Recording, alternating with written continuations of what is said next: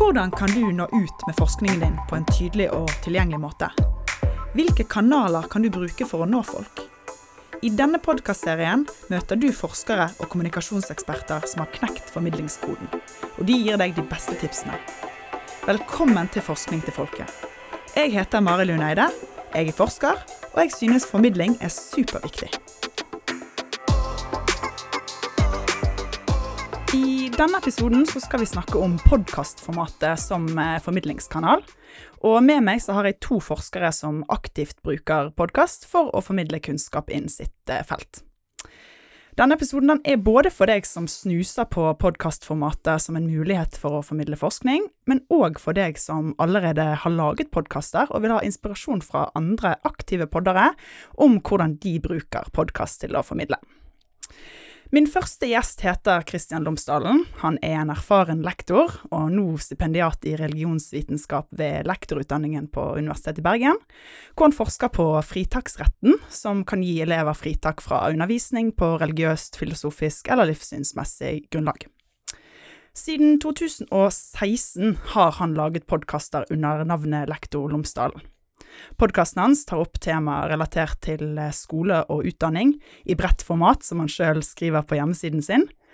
Den kommer ut ukentlig, og for de som kjenner eh, til podkasten din, Christian, så vet de at du har laget ganske mange episoder om ganske mange ulike temaer.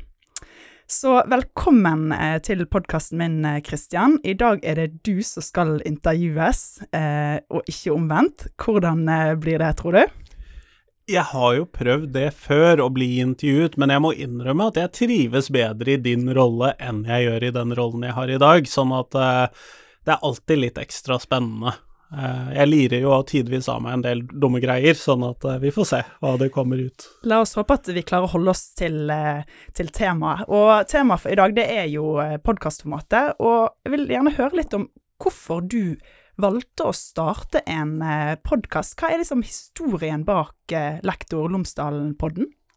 Jeg er, eh, hva skal vi kalle, en tidlig adopter, early adopter av podkastformatet, og har hørt på podkast i ganske mange år før jeg i det hele tatt kom på tanken av å lage en podkast sjøl. Og så var det jo sånn at i 2014, 2015, 2016, sånn etter at jeg hadde begynt å jobbe sånn ordentlig aktivt som lærer, så oppdaget jeg at noe av det jeg savnet, var en skolefaglig podkast om eh, alle de små og store temaene som finnes i norsk skole. Og så fantes det noe greier, noen av forlagene hadde slengt ut en og annen episode, og det kom ikke ut så ofte, og de var egentlig primært sett for å promotere egne bøker. Det var i hvert fall sånn det fremsto. Sånn at eh, det manglet en skolepodkast. Og så var jeg i et relativt aktivt miljø på det store internettet, eh, blant lærere som diskuterte skolepolitikk og skolefaglige fenomener osv., og, så videre, og vi var et par stykker som kunne tenke oss å lage en skolepodkast. Og så den andre som da tenkte på det i særlig stor grad, var Martin Johannessen som har podkasten Rekke opp hånda.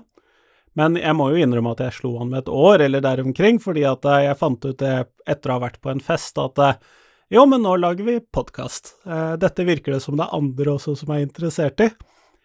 Eh, vi lager podkast, kjøper inn utstyr, og så starter vi opp om 14 eh, dager. Det er jo ofte sånn at de beste ideene kommer fra et festlig lag. Men kanskje du tar oss gjennom litt hvordan du jobber med podkastformatet. Nå har jo du holdt på i et eh, par år, for det er jo ikke bare å trykke på record og begynne å prate, eller det involverer jo det også. Eh, men hva vil det egentlig si å lage en podkast for å formidle forskning eller eh, kunnskap? Kan kanskje du tar oss gjennom litt de stegene du går gjennom, den tankegangen som du har rundt å, å lage dine podkaster? Eh, man skulle kanskje tenke seg at det vanskeligste, det var eh, å få folk til å stille opp på intervjuene. Det er ikke det vanskeligste. Det er faktisk ganske lett. Jeg har bare en håndfull nei i løpet av de seks årene jeg har drevet og laget podkast. Men eh, det som er det store vanskeligheten, er å komme på ulike temaer og ha episodene om. Det er jo den største prosessen, den mest tidkrevende prosessen. Fordi at vi mennesker, vi er stort sett inne i vår egen boble, vi bryr oss om de temaene vi bryr oss om, og så er det det vi tenker på. Sånn at det å bygge opp en nok stor idébank med fremtidige episoder, det var en tidlig utfordring. Og så husker jeg at jeg sendte min kone en e-post om at se her, nå har jeg forslag og avtaler så så langt frem i tid, nå kan du slappe av, dette går greit. Eh, for hun var også litt bekymret for det. Så når man da har kommet på disse eh, episodetemaene, Eh, så lenge man liksom klarer å bygge opp den, så er det jo dette med å gjøre disse avtalene, og som sagt, folk sier stort sett ja. Det er bare litt om å, det, om å gjøre å få det plassert i kalenderen på en grei måte.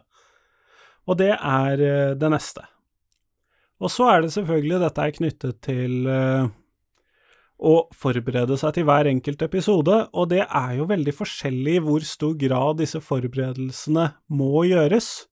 Og det kommer jo selvfølgelig an på hvilken målgruppe du har som podkast.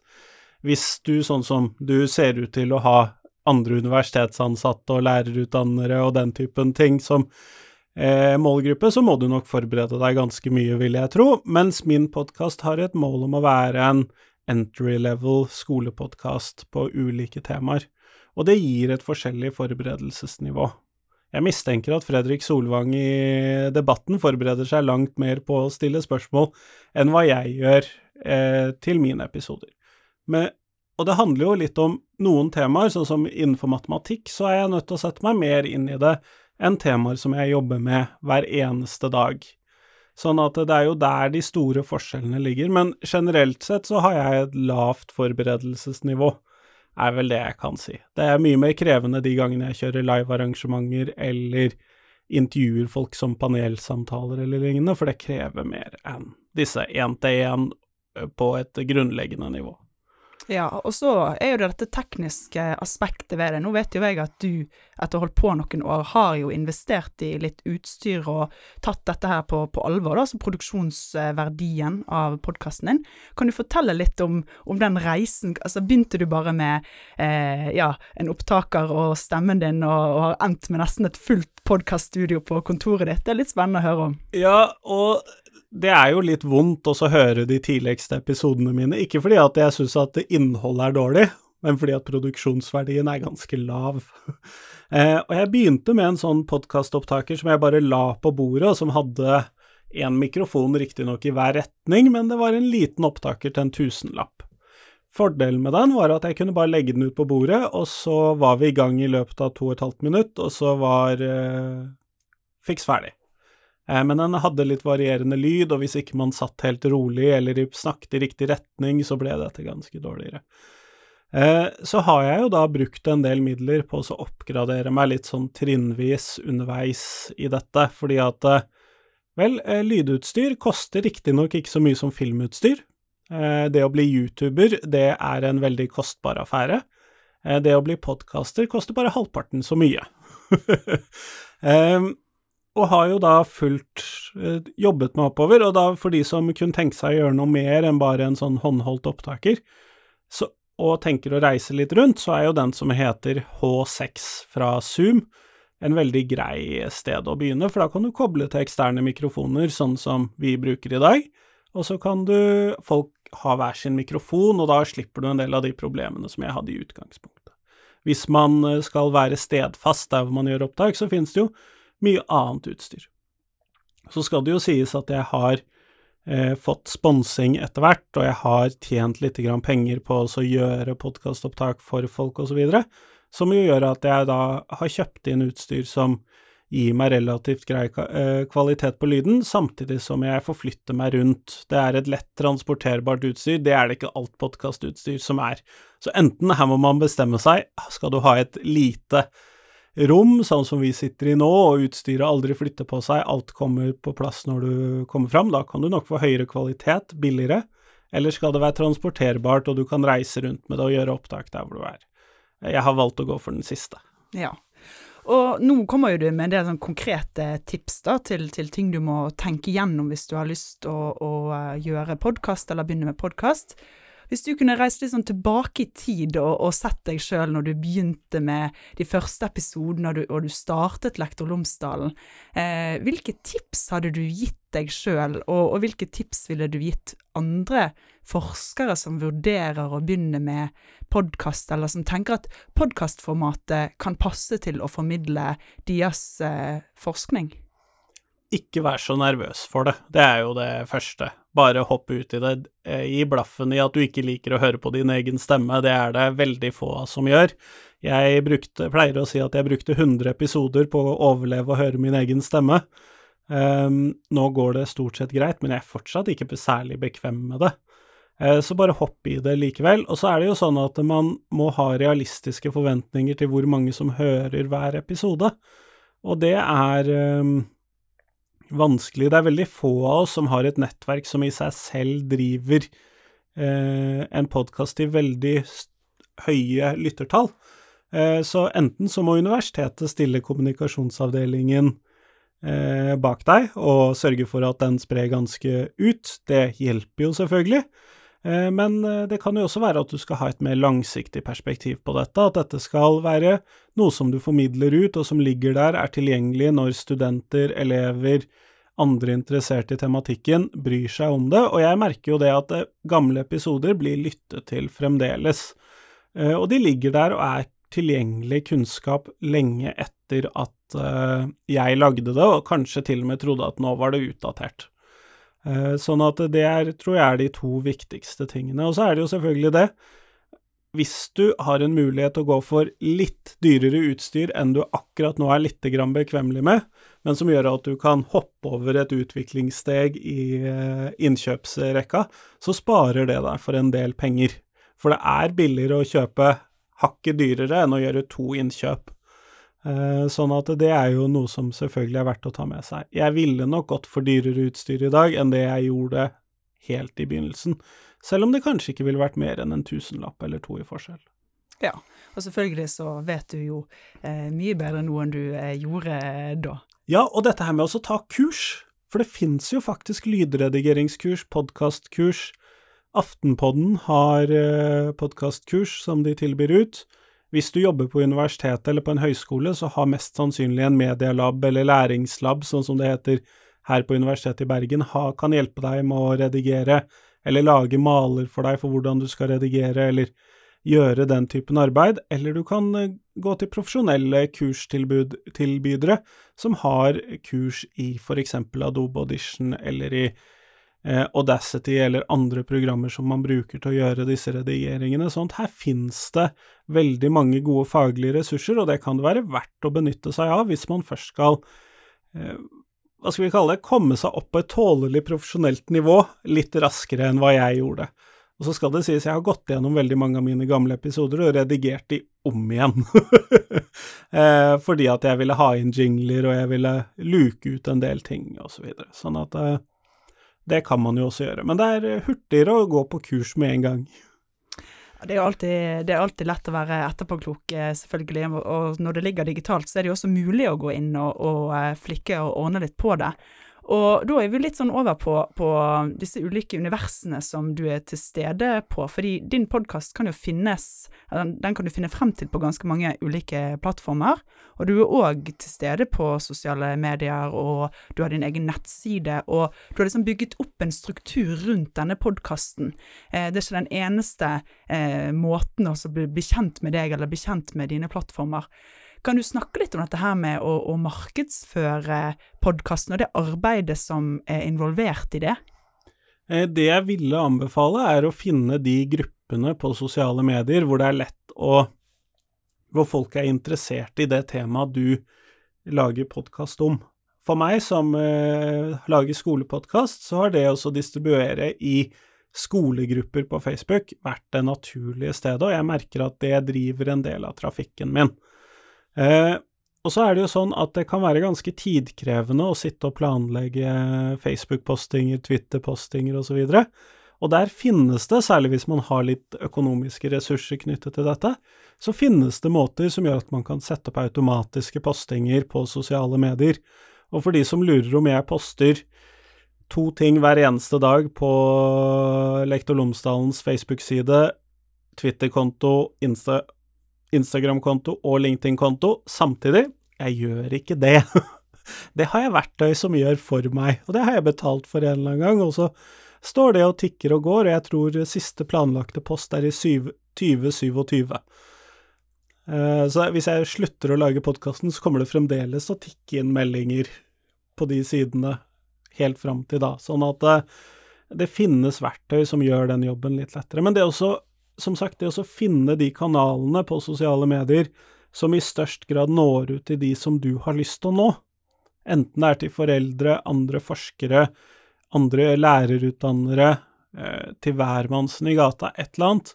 De som er interessert i fugler, hvis det er det du driver og lager podkast om, så må du finne de gruppene som det gjelder. Og jeg merker det at på noen av de nyoppstartede podkastene mine, for jeg har fire ulike podkaster jeg er med på, så sliter jeg litt mer med også distribuere dem, fordi at jeg har mindre konkrete eh, grupper å dele disse podkastepisodene i, og jeg har kanskje et litt større, hva skal vi kalle, reservasjon mot å dele de veldig aktivt. Lektor Lomsdalen som en litt sånn tydelig kanal har jeg aldri hatt noen problemer med å distribuere i de gruppene. Sånn at det å finne de stedene man kan distribuere, er veldig viktig. Og så er det jo et poeng å ikke mase. Det holder å dele én episode én gang eh, på hver kanal, og det tror jeg er viktig, for at folk skal ikke bli lei av deg heller. Um, og det tror jeg vi er nødt til å ta inn over oss. Det er ikke mm. alle som er like flinke til det. Mm. Og sånn helt til slutt, um, hva er en god podkastgjest for deg? Hvem egner seg godt å invitere til en podkast? Jeg elsker å invitere forskere. Uh, ikke fordi at de er forskere, men fordi at det er veldig mange av dem, så putter du på en femmer, og så holder de ikke kjeft. litt sånn som oss to, da. Jo, men jeg tror nok at du og jeg ofte havner på en sånn litt sånn dialogisk prosess. Det har jeg i hvert fall merket når vi har pratet sammen om fag ellers. Men noen forskere, de sitter gjerne og holder en times forelesning. Uh, og det kommer snart et intervju på podkasten min hvor jeg sier jeg tror ikke jeg sier så mye mer enn ti ting i løpet av hele podkastepisoden, og den varer i halvannen time. det er fantastisk. Så en gjest som kan prate mye, eh, er et godt utgangspunkt. Ja, og det er jo dette kan jo være litt vanskelig hvis du har med en gjest på podkasten hvor du er nødt til å virkelig jobbe for oss å trekke ut noe, men der kommer jo dette med forberedelser inn. Hvis du har gjort gode forberedelser og stiller gode spørsmål som åpner for gode Eh, perspektiver åpner for at man må tenke litt høyt osv., så, videre, så hjelper jo det. Og hvis ikke du da kjenner feltet helt godt og ikke vet helt du hvilke knapper du skal trykke på, så blir det vanskelig. Mens med andre mennesker så er det største problemet er å stoppe dem i å snakke, og du må punche de over der hvor du vil ha de. Eh, men eh, mest jobb der hvor man må hale og dra litt. Men det kan bli veldig gode episoder det er jo Det viktige er jo hvor gode episoder du får, og så er det litt varierende grad hvor mye arbeid du må legge i dem for å få til de gode episodene. Mm. Tusen takk for at du eh, stilte opp i denne episoden, eh, Christian. Eh, lykke til med podkasten, eller podkastene dine, i tiden fremover. Og så ser vi frem til alle postene skal komme ut på sosiale medier frem til 2027 og litt fremover. Tusen takk for det. We're switching guest and language now. Uh, my guest, next guest runs no more than three podcasts, and uh, he has a burning commitment to helping researchers communicate their research on social media. Welcome, uh, Julius Wesche, energy transition researcher at NTNU and the founder of the Science Communication Accelerator podcast. Hi, Mari. Thanks for having me today. Thanks for being here. Um, I guess I could ask myself the same question that I'm about to ask you, but um, tell me, why are you so passionate about research dissemination and communication that you decided to build an entire podcast around it? Well, you know, you're a researcher, I'm a researcher, and I think what we very often see in the universities or the research organizations where we work is that you know it's always about the next project, it's always about the next paper. But I feel that, I felt very often that the last three percent uh, to are often not done. This last three percent of like communicating it to the world. And the thing is that universities and research organizations are really gold mines for good content. And if we do all that research with taxpayer money, then we should also make it available. And very often I feel that there's awesome research out there, super good results that will help practitioners and policymakers to make smart decisions. But we as researchers could be better at disseminating it because only if we do that, then these decision makers will be able to do smart decisions. And if we don't do that, then I think we fail at our job a little bit. And I feel that there's a lot of knowledge available that can be used in order to be better science communicators. And I just try to create a platform where that knowledge is available so that people who want to be better can tap into it. Yeah. And so, what specifically uh, drew you then to the podcast format as a way of, of, of doing this uh, particular yeah. job? So, so you know, when you think about content altogether, there's then you can think of there's that there's actually like four formats, and one is written, that's text. Then you have video, then you have audio, and then you have like shareable graphics. And I think that anyone who wants to go into science communication um, should consider which of these formats do you feel most conf- confident and comfortable with. And if you're good at videos, try to make videos. If you're good at writing text, please write text and start a blog whatever. For me, I like to interact with people and I like to talk. So for me, it was kind of like, I don't want to say the obvious choice, but it was like the one that just came naturally to me. And that's why I also started three or two, two and a half, three years ago, my first podcast, the NPower podcast. And now I run the third podcast. It's the NTNU Energy Transition podcast because I feel this is my way of communicating to the world, whatever the world is. But yeah, I think everyone who does something in the field of science communication should really play to her or his strengths because only then it will be good and you will be able to create value, valuable content to your target group. Right. So, um, you, your podcast, um, you treat all sorts of different topics really related to science communication. Uh, but one of your podcasts is actually on making a podcast or creating a podcast. So, meta, meta there, uh, like this podcast really that we're doing right now.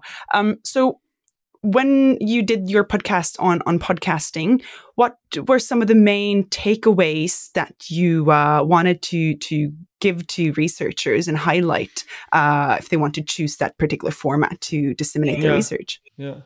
So you know, if you wanted to start a radio show, I don't know, twenty years ago, you had to I don't know. The, you had to get microphones that, that, were not available, that were expensive. You had to have, to have to get a license to actually get it out through through radio, and all these things are way more easier now. So that's that's a great thing. It's like everyone can do a podcast. Everyone has a smartphone, and you just put a lavalier mic to it, and you start talking on the uh, Anchor app, for example. So it's way easier now. So first thing, first takeaway is maybe everyone can do it, but just to be able to do it is not enough. Like let's put it like that. Like cream always flows to the top. If you do good content, it will all there will always be people who will be listening and consuming that content. But if you run a podcast, then there's some like basic rules. And for example, your audio quality should be good. You should come out always on the same day. That could be every week, every second week, every every month. But you know, you should be a reliable source because only then you build up um, an audience. And then you should also be someone to be you should be doing it about something that you're passionate about because people sniff and smell passion. And we always want to hang out with people who are passionate about that topic. And you have to do it consistently over time. If you create three podcast episodes and if you create 60 episodes there's a difference. So people are more inclined to listen to people where they smell as i said this passion. And if they where where they see okay this person has done this for three years um, then for two months. And over time brand builds up and more and more people find you and it, that all just takes time. So anything you do also particularly in podcasting it's is that you have to create value over time and at scale. And then people have the opportunity to find you talk to their friends about the stuff that they're interested in and then you get yeah you get to grow your podcast if that's what you want to do and you build your brand. Um, so the worst thing is that you can do is do bad quality not entertaining and only one episode. And if you do all this differently, so many episodes, a little bit entertaining, and you do it over time, then this is the recipe to be successful and create a podcast that creates value and that builds brand for you in the long run. Right. Yeah. And I know that a lot of a lot of researchers um, are a bit um, anxious about some of the practicalities involved in, in producing a podcast or doing any type of, of science communication is, is obviously about some sort of genre comprehension, right? Um, and I know without giving the entire episode away that you did on, on podcasting, you also talked a little bit about um, sort of the thinking around uh, target groups, uh, choice of topic for a podcast, and episode structure. And that you know, those are some of the more specific practicalities that that people may be faced with when they actually choose to do the podcast format. So, do you have any any um, uh, tips and and uh, sort of guidelines for people when it comes to sort of picking your target group, deciding on a topic to do, and also just building up and structuring an episode? Yeah. So so whatever you you do in media creation is always super crucial to know what the target group is that you want to um, that you want to aim at. Because if you create content around a specific topic, but your target group is not interested in that topic, then why would they listen? If you create content on for on a topic that your target group might be interested in but it's it's pr- produced badly or it's it, i don't know if you want to if you want to make a podcast about aging or old people's living or how you can increase the quality of old people's living and you have a host that is 16 years old that's not fitting. So it's like you need to you need to, to you need to structure your podcast in a way that it is that it creates interest with the target group. And that's the same like that's the same thing with any type of media that you that you that you create. So first thing is you have to create you have to choose the topic in a way that it fits the target group but you also should, should choose a topic that you're really interested in. If you have to create if if you create content around a topic that you're not interested in then it becomes work. Then it becomes not a good feeling for yourself and people will recognize that. So topic is super crucial. It's like please do content around stuff that you like. Period. There. Okay. So topic the second one was was it target group? No we talked yeah, about target yeah, group target group topic and also episode structure how to build yeah. up an episode. What sort of components yeah. should it um, include really? Like that depends very much on what type of podcast you're actually creating. So you know there's this big field of podcasts like interview podcasts and all what I do pretty much is interview podcasts. Is like I I think about okay this is a topic that I'm interested in and I think that my target group could be interested in and then I look for people who are knowledgeable about that topic and if they're even charismatic then I definitely ask them to come on the podcast. And the thing is if you write one email to one person and this person doesn't respond or doesn't have time that's not a good approach. What you have to do is you have to go big kind of. Like you have to write at least i don't know 10 15 20 emails and five will not answer.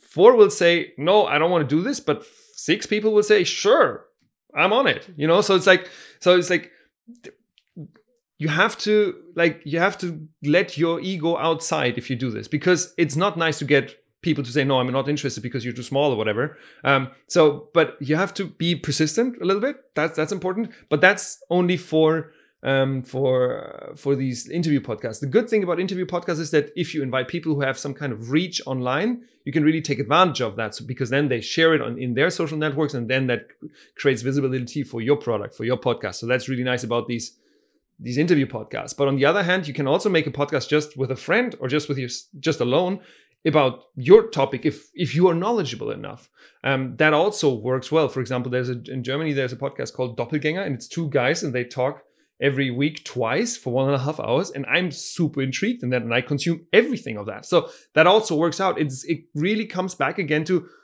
what plays to your strength. And if you love to invite people do that. If you feel i know it all and i want to just share it then do a single podcast just with yourself. That's fine too. It always comes down to yeah where you feel you can create the most value to your target group. And then when you do a when you then do a podcast episode for example with guests then i would always start with what is this thing about? Okay, episode 31 of the XXX podcast today with this person and uh, um, um, uh, and we'll talk about this. Then you have a little music. Then comes like the golden sentence of the episode from the guest, so that people get to know the guest a little bit. Um, then you have music again. Then you start with the episode, and when you start with the real episode, then you uh, introduce the person, let the person talk a little bit, so that it that they build relationship with the audience, and then you go into the topic, and then you know, you can go anywhere from 20 minute top podcast to, I don't know, one and a half hour podcast. Joe Rogan makes podcast episodes that are three hours long. And people say, who would listen to that? But he's the most successful podcaster on the planet. So the length is like if you know how to fill the length, then lengths don't matter anymore. You can make short podcasts, you can make long podcasts. Everything is working if you deliver. you know, if you're good at it. And but you will not get good at it if you don't try. You know, Mari, this is maybe your first or second podcast that you're doing, and this is this is the way how to do it. You have to get practical. It's a game of practitionership. You have to create, let's put it like that. You have to create 23 really bad podcast podcast episodes so that the 24th episode kicks it. Is really good. But you will not get to the 24th episode that is really good if you don't do the 23 bad ones in the beginning. So it's all a game of practitionership. And if you have conviction, then you will win the game because 99% of the people don't have the conviction and they drop out. So if you are the only one who continues creating, then you are the one that wins, whatever winning is. So your your advice then to to uh, researchers who are also experts in their field is to go back to to basics and and allow themselves to try and fail and and that's hard. Start start from in, scratch, right? It it is hard from a lot of people who are used to uh, mastering uh, what they're doing. So so that that might be a very tough advice to to uh, follow up on. I think for a lot of of researchers. to your point, Maria, I think you're totally right. Creating content if you haven't done it before in whatever shape, way, or form, gets you out of the comfort zone. And then you might sweat and you might not be happy with the results, but that gets you somewhere eventually because you can only grow outside the comfort zone. We all know that. but you were also touching upon something um, important and, and something that I, I, that I know you're um, that you talk about a lot, and that is the outreach work or the marketing that you do uh, of whatever content that you produce, including podcasts. So, and I think this is something, this is also sort of an unknown world to a lot of researchers, right? How to work social media uh, or mm. other outreach channels to spread your podcast or your op ed or whatever you're up to. Um, can you talk a little bit about um, that as well? Yeah, no, for sure, Mari. So I would call it social media ping pong. So it's like you ping, you play on one game, what you play on one side of the table, and then you replay on the other t- side of the table, and like that, you you create you create visibility for all your channels. Because what you do when you do a podcast is that you create content on one platform. Podcast is not really a platform, but you know, on Spotify, Apple Podcast, Google Podcast, Amazon Podcast, all these. But if no one knows about your podcast, and if no one knows about the episodes that you're bringing out, then no one will listen to it. I just had a meeting yesterday uh, with the European Research Council. We were also talking about podcasts, and there was a lady, uh, and she said, "Yeah, we created two podcast episodes, and no one listened to it. Three people." And like, yes, what did you expect? Like, this is not, and this is not me saying how stupid are you? No, it for sure not. It's like it's like the basic. The basics of social media works the following: you put out content, long form content, such as a podcast, and then you go on your Twitter profile and then you tweet about that podcast. And then you then you hope that this tweet is picked up by some people or maybe even the person who you were interviewing in your podcast so that they share it. You know, when you come out with your podcast, Mari, I'm going to share it through my through my Twitter, uh, which is it's not great, but it's like some people, you know, and like that, you will get visibility. And if you do that 30, 40, 50, 60 t- times, you will get visibility. And this is what I mean with ping pong because you could, you know, you can make a, a podcast episode, then you tweet about it, you post on Instagram, and you post on uh, on LinkedIn about it, and then you ask, "Hey, people, do you have questions about this?" And then you get comments if it all works well, and then you use these comments again to make new podcast episodes because then you know what topics your target group is interested in. So, and this is what I mean with ping pong. And I think you have to play the ping pong, but this also means that it does take time. It's not a thing that you do in 2% of your working. If either you do it or you don't do it. And obviously there's different levels. You know, you can go in 80% and 90% or just 30 and 30 will always get you some visibility maybe, but you have to match your ambitions with your action. If you say I want to be building a big brand for this topic and I want to be the person who's most known in that area, well then your then your actions need to match that. And if you say no, I just want to contribute and I'm okay with not getting the most visibility, then that's okay too. It just needs to fit what your ambitions are and what you put into. Yeah. So so maybe one of the one-liners we could take away from this interview with you then Julius is to to find uh, the platform content that uh, drive you that you feel like you uh, are interested in um, and where you can show your strong suit, right? Um, totally.